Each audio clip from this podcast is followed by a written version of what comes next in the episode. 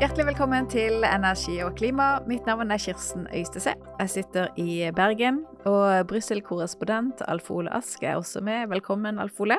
Takk skal du ha. Du, Vi skal gjøre et forsøk på å oppsummere det siste halvåret i EU, og i hvert fall se på de energi- og klimapolitiske sakene hvor de står nå på vei inn i sommerferien, og også kaste et lite blikk frem mot eh, hva som venter til høsten og etter hvert vinteren. Ja. Eh, hvis vi går tilbake igjen kjapt til eh, desember 2019, så la jo EU frem sin eh, grønne giv, altså EUs Green Deal, hvor tanken var å bane vei for det som skulle bli verdens første klimanøytrale region i 2050. og Det har vært en, en viktig del av EU-president Ursula von der Leyens prosjekt. Men så kom eh, koronapandemien, så kom det en energikrise og en krig i Europa. Kan du forsøke å oppsummere hvor EU står nå? Ja, Det som kanskje er det forbausende, er jo at hvis du nå ser på det som har skjedd i, eh, blant energiministrene, eh, klimaministrene osv. bare de siste dagene, så er det jo nå slik at ministerrådet, altså medlemslandene, har nå tatt sine posisjoner på omtrent hele denne eh, Fit for 55, hele denne Fit for 55-pakken. Og det samme har da parlamentet gjort. Så nå skal eh, disse begynne å forhandle.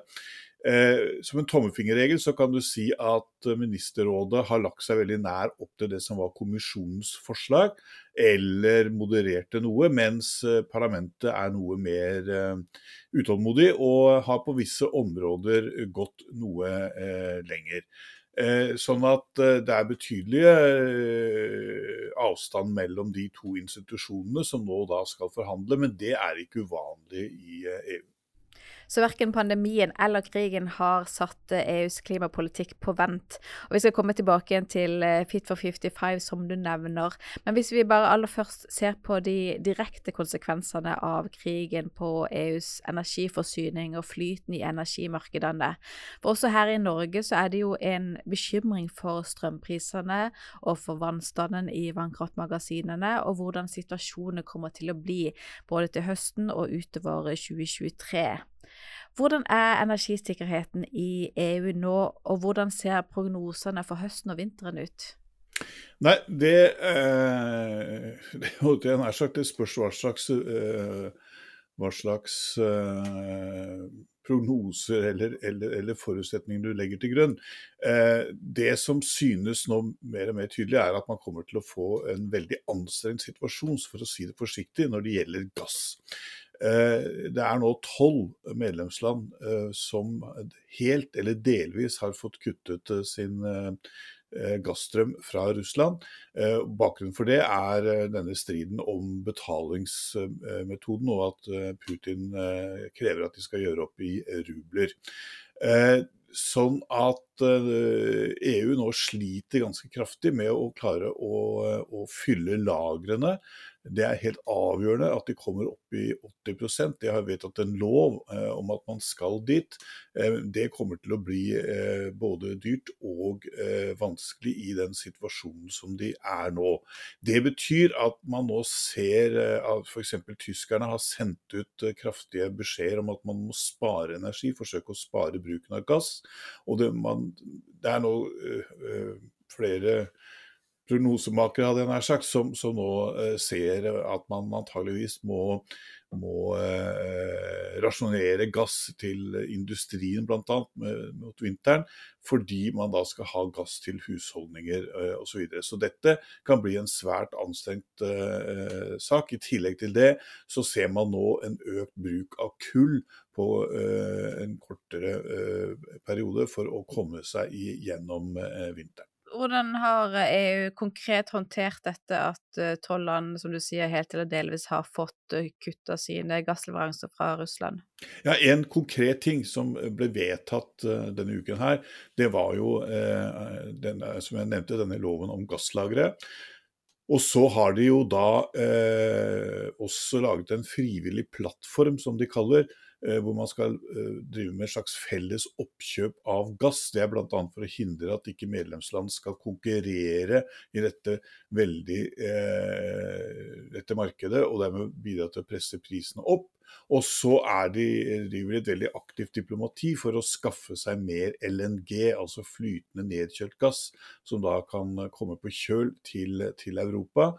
Og i tillegg til det også har de vært i kontakt med med gassproduserende land øst for å få mer rørledningsgass inn i, i EU. Så, så, sånn sett så driver kommisjonen og EU et veldig aktivt eh, arbeid nettopp for å, å, forsøke å få mer gass som kan erstatte den russiske gassen. I tillegg til det, og det er veldig viktig, så satser de jo tungt på fornybar energi. Sol, varmepumper, alle den type ting som kan uh, bidra til at man reduserer gasskonsumet, uh, og dermed gjør dette lettere. Men Eh, dersom det nå skal komme dit hen at eh, alle de 150 eh, milliarder omtrent kubikkmeterne fra, fra, Russland uteblir, så er det klart at EU kommer til å stå overfor en et meget tøff vinter, spesielt hvis det blir kaldt, og om det f.eks. skulle bli lite vind, slik at man får lite fornybar energi. Ja, Er det skissert eh, scenarioer som sier hva som skjer hvis alle gassleveranser fra Russland stopper opp? Ja, da inntrer det jo for så vidt en sånn krisesituasjon, slik at da vil du antageligvis også se at man kan få, få eh, satt pristak på gass, eh, kan gripe inn med rasjonering. Det er en del kriseverktøy som de har i verktøykassa for å kunne gripe inn i en, i en uh, slik uh, situasjon. Mm. Men dette med gasslagrene er faktisk ganske viktig. Fordi EU bruker omtrent 400 eh, milliarder kubikkmeter gass i løpet av et år, og de har ca. 100 milliarder kubikkmeter som underjordiske lagre. Og eh, mellom 25 og 30% av all den gassen som brukes i EU i løpet av vinteren, kommer fra disse lagrene. Så det å få fylt opp lagrene er helt avgjørende. Men de er et stykke unna å ha fylt de opp, er det ikke det? Ja, de var på ca. 50% sist uh, jeg sjekket. Uh, det er høyere enn hva de var på samme tidspunkt i fjor, men uh, det gikk jo ikke så bra. Da gikk jo gassprisen til himmels lenge før krigen.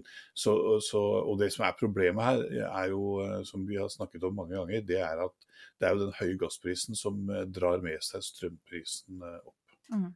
Du nevnte pristak på gass, og det har jo vært på bordet eh, både pristak på gass og også pristak på olje. var jo til, oppe til diskusjon på bl.a. på G7-møtet tidligere denne uka. Og Det er jo to sider ved dette at vi nå snakker om pristak. Det ene er jo å beskytte forbrukerne mot svært høye priser, og det andre er jo et forsøk på å straffe Putin, da, særlig ved å sette pristak på olje, som, som på at vi skal, skal ramme russisk olje. Hvor står disse diskusjonene og pristak på olje og gass nå?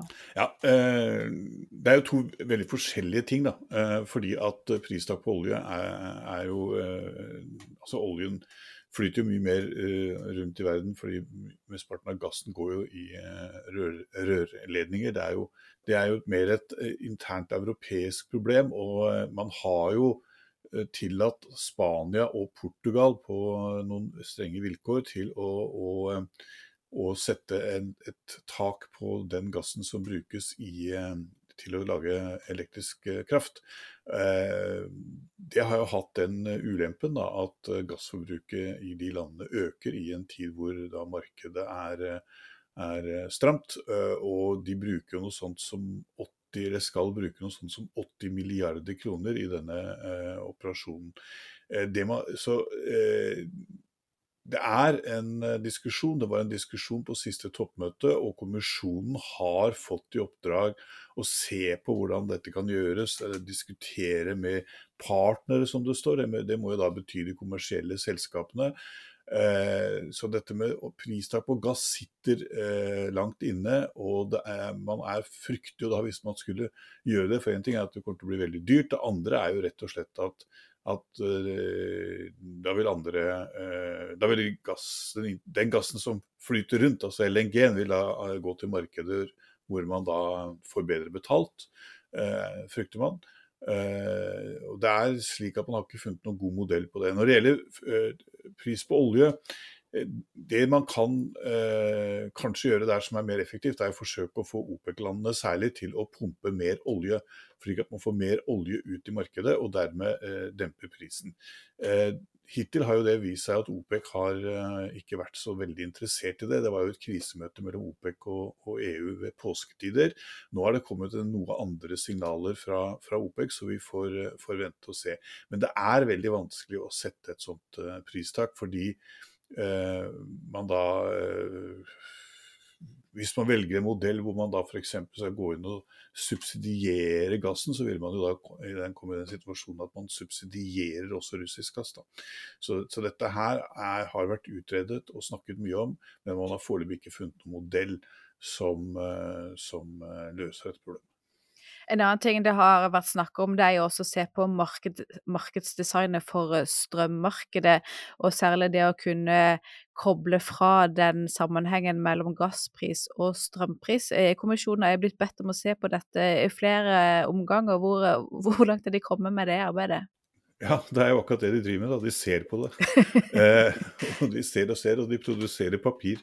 Eh, om dette eh, ACER eh, har jo utredet dette her og la fram en rapport uh, i, i, vår på disse tingene, og har vært veldig skeptisk til å, å, å gripe inn i strømmarkedet. Det er, det er, mer, det er vel slik å si at EU mer er på glid i et forsøk på å gjøre noe med gassprisen enn eh, å gå inn og regulere eh, strømmen.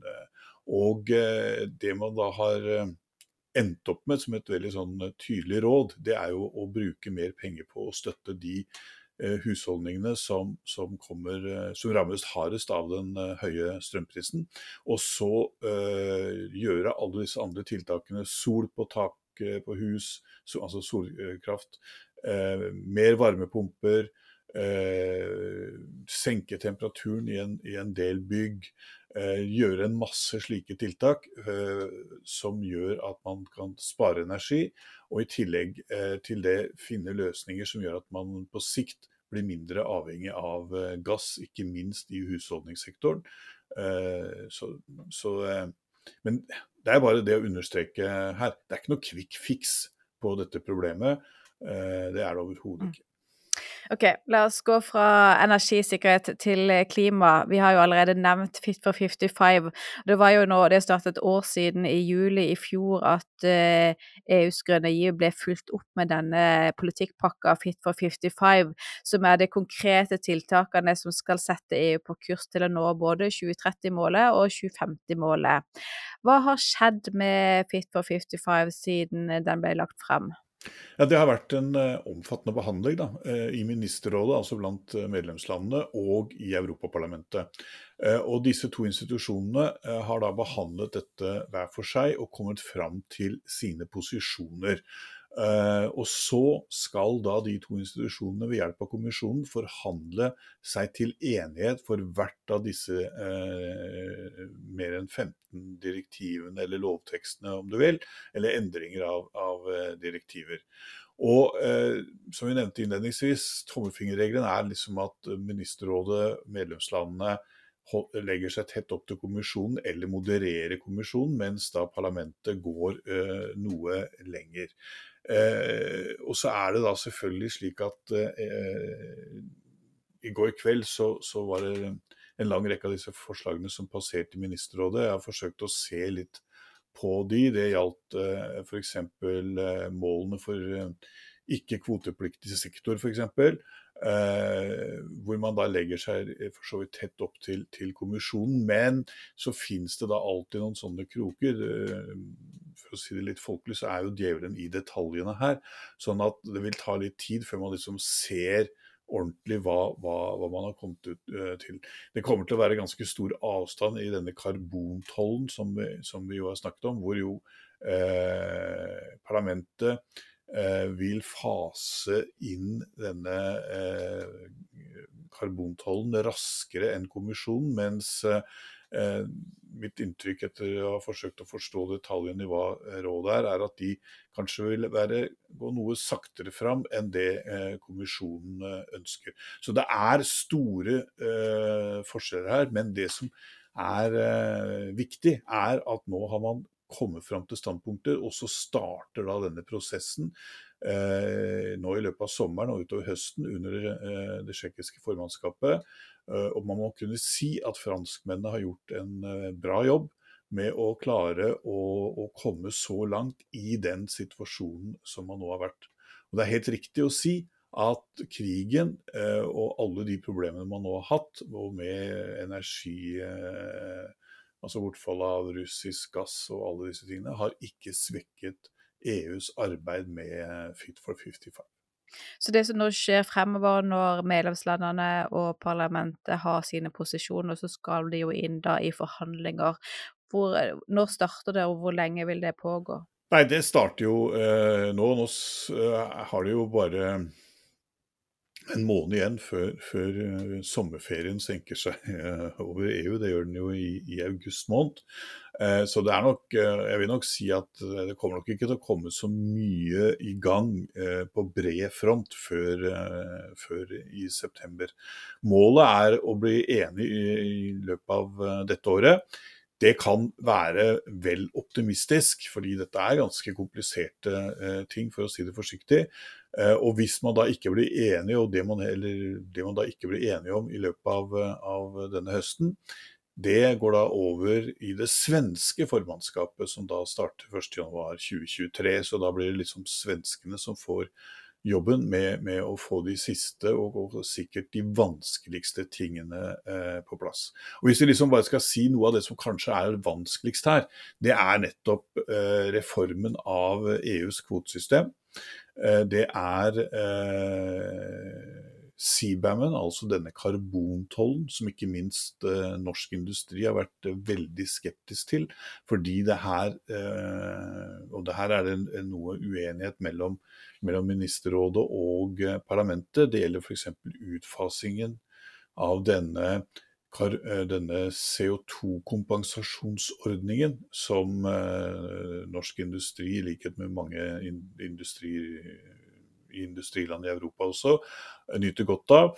Og som eh, pga. høye kvotepriser kan bety ganske mange milliarder kroner i strømstøtte til norsk industri, som da denne, altså kraftkrevende norsk industri, som da denne ordningen kan, kan fjerne.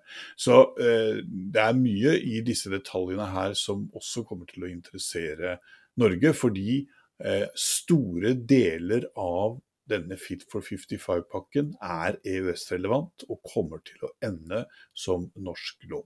Og som du sa, parlamentet har vært eh, noe mer ambisiøse, gått litt lenger enn kommisjonen, mens medlemslandene har lagt seg tettere på, kommisjonen. Vet vi noe om balansen her når de skal i forhandlinger, og hvem som står sterkest?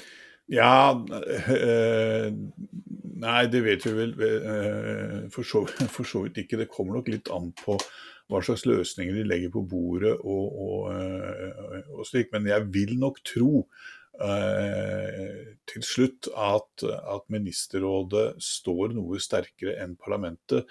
Fordi eh, det er jo også slik at eh, disse europaparlamentarikerne skal jo gjenvelges.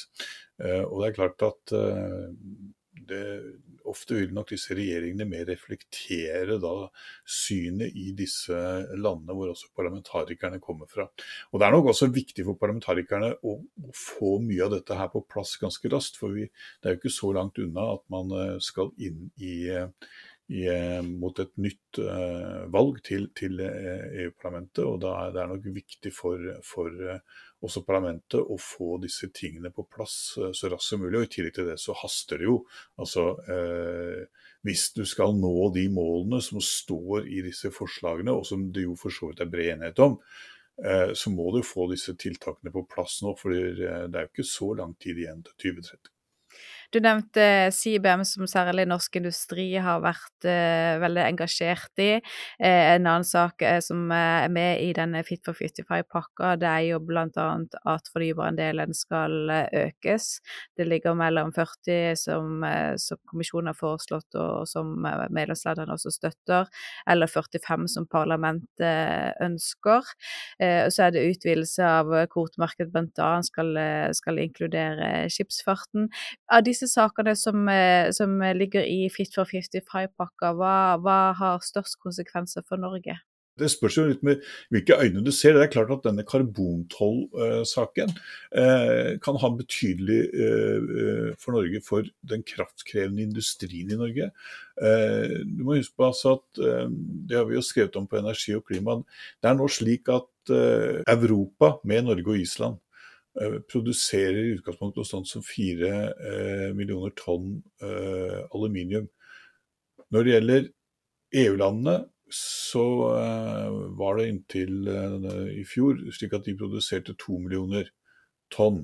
Altså halvparten av det Europa gjør. Nå er én million tonn av denne produksjonen stanset, og man ser at uh, den bygges opp tilsvarende i Asia osv., i land som da har helt andre utslippsregler. Det er dette som kalles karbonlekkasje. Og det er klart at hvis du kommer i en situasjon hvor man nå lager en klimapolitikk som fører til at man får mer karbonlekkasje, slik deler av industrien eh, eh, hevder, så er jo ikke det noe bra med tanke på hvor mye aluminium du trenger for å få til det grønne skiftet. Da må du altså importere den og gjøre deg avhengig av import. Så ikke at dette, Her står det jo ganske store verdier og et spørsmål om deler av, av Det kan jo være et spørsmål om deler av, av, norsk industri. Så har du selvfølgelig en hel del av disse andre eh, tingene eh, som, som eh, ligger i, i, i, denne pakka. Altså det å eh, som, som, som, jo selvfølgelig vil få, få betydelige konsekvenser. Du nevnte sjøl skipsfarten som, som, en av, av disse eh, hvor, man, hvor, da rådet har eh, også vedtatt at eh, skipsfarten skal inn i, i, i, i ETS. så ja, det er, det er, et spørsmål om, om øynene som ser, men det er klart at denne pakken kommer til å få konsekvenser for folk flest og for industrien. Hvis vi holder oss til konsekvensene for Norge, men ikke bare konsekvensene av Fit for 55, men også konsekvensene av dagens energisituasjon. Du traff jo EUs klimakommissær Frans Timmermans og Norges olje- og energiminister Terje Lien Aasland i Brussel forrige uke. Og det var i etterkant av deres møte der energisamarbeid mellom Norge og EU var på agendaen. Og også her var temaet to todelt. Altså det handler om energisikkerhet på kort sikt og raskere klimaomstilling på lengre sikt. Ja, altså Det som er kanskje litt spesielt, det var jo at Timmermans liksom plutselig øh, øh, hadde laget en felleserklæring med, med, med Terje Aasland, vår oljeminister, eh, som liksom gikk på en, en veldig sånn hyllest av gass, og, og, ikke bare nærmest, men ba Norge om å investere i mer eh, produksjon av olje og gass. Eh, og Det er klart, det er litt sånn spørsmål hvordan du egentlig tolker dette. Eh, denne erklæringen er jo helt åpenbart må ses inn i den geopolitiske situasjonen du har nå med krigen i Ukraina, og at EU er desperat etter å skaffe seg alternative gasskilder. Og eh, Hvis man ser på produksjonsprofilen fra norsk sokkel, så ser man at den når en topp nå i løpet av noen få år, og så begynner den å, å, å, å skli nedover. Um, og eh, sånn at det vil jo være i EUs interesse i årene nå framover mot 2030 og kanskje noen få år etterpå, til å holde den norske eh, produksjonsprofilen eh, høy. Slik at vi kan fylle det rørledningssystemet som går til til EU, og som har en kapasitet på 110-120 milliarder kubikkmeter per eh, år. Eh, så, så, det er liksom eh, er, er viktig for, for EU. Og så blir jo da liksom spørsmålet om dette betyr at man da i Norge setter i gang en betydelig leting og utbygging som innebærer at man da kanskje sitter igjen med veldig store gassvolumer en eller annen gang etter sånn 2034-2035, hva vet jeg, hvor da EUs klimapolitikk slår inn på en slik måte at man reduserer gassbehovet. Da var jo eh, de to herrene veldig enige om at eh, da kunne det åpne seg en mulighet for såkalt blått hydrogen for Norge, altså laget da med eh, CCS. Altså hvor man tar karbondioksiden ut av naturgassen. Eh, så får vi se om eh, det blir lønnsomt hvis eh, gassprisen holder seg så høy som, som den er. Men, men, det er jo klart at på kort og mellomlang sikt, som politikerne sier, så, så har jo den norske gassen en helt annen fremtid i Europa enn hva det så ut som den hadde før krigen. Det må man nok, si. Så du oppfatter at dette faktisk endrer noe for Norges del? Ja, eh, i hvert fall på, på, på, eh, i de nærmeste årene eh, så tror jeg det er, er helt eh, riktig å si. Og det er klart at dette eh, har jo gjort Norge til en viktigere strategisk partner for EU innenfor eh, olje og gass. Du sa EU har ikke tatt sommerferie helt ennå. Hva er det som står på agendaen de neste ukene? Ja, og ja. De, har, de, har, nok å pusle med, for å, for å si det sånn. Én ting er jo Det er klart hele denne energikrisen ligger der. og eh, Det var jo EU-toppmøte for, eh, for, eh, litt over en uke siden, eh, og der eh, eh, diskuterte man jo ikke minst denne matvarekrisen som nå er kommet i kjølvannet av Ukraina-krisen. Altså hvordan skal man få disse store kornhøstene ut av Ukraina. Den eneste måten å gjøre det på er jo med skip, men havnene er jo minlagt, så man får ikke dette ut. Dette slår ut med eh, store problemer eh, i matvaresituasjonen, ikke minst i en del afrikanske land. Eh, dette diskuterer de inngående. Vi ser jo en betydelig økonomisk konsekvens av denne krigen. Energiprisene bidrar til det, at man får inflasjon. Eh, dette bekymrer selvfølgelig eh, disse lederne. Og så er det jo da det vi har snakka om nå eh, hele tida i denne podkasten i dag, det er jo energisituasjonen. Altså hvordan skal de komme seg gjennom den vinteren som, som snart står for døra. Så, så det blir ikke arbeidsløse inn i, i sommerferien og høsten. Du, Da sier jeg tusen takk for en liten Brussel-oppdatering, Alf Ole. Takk selv. Takk også til eh, du som lytter på.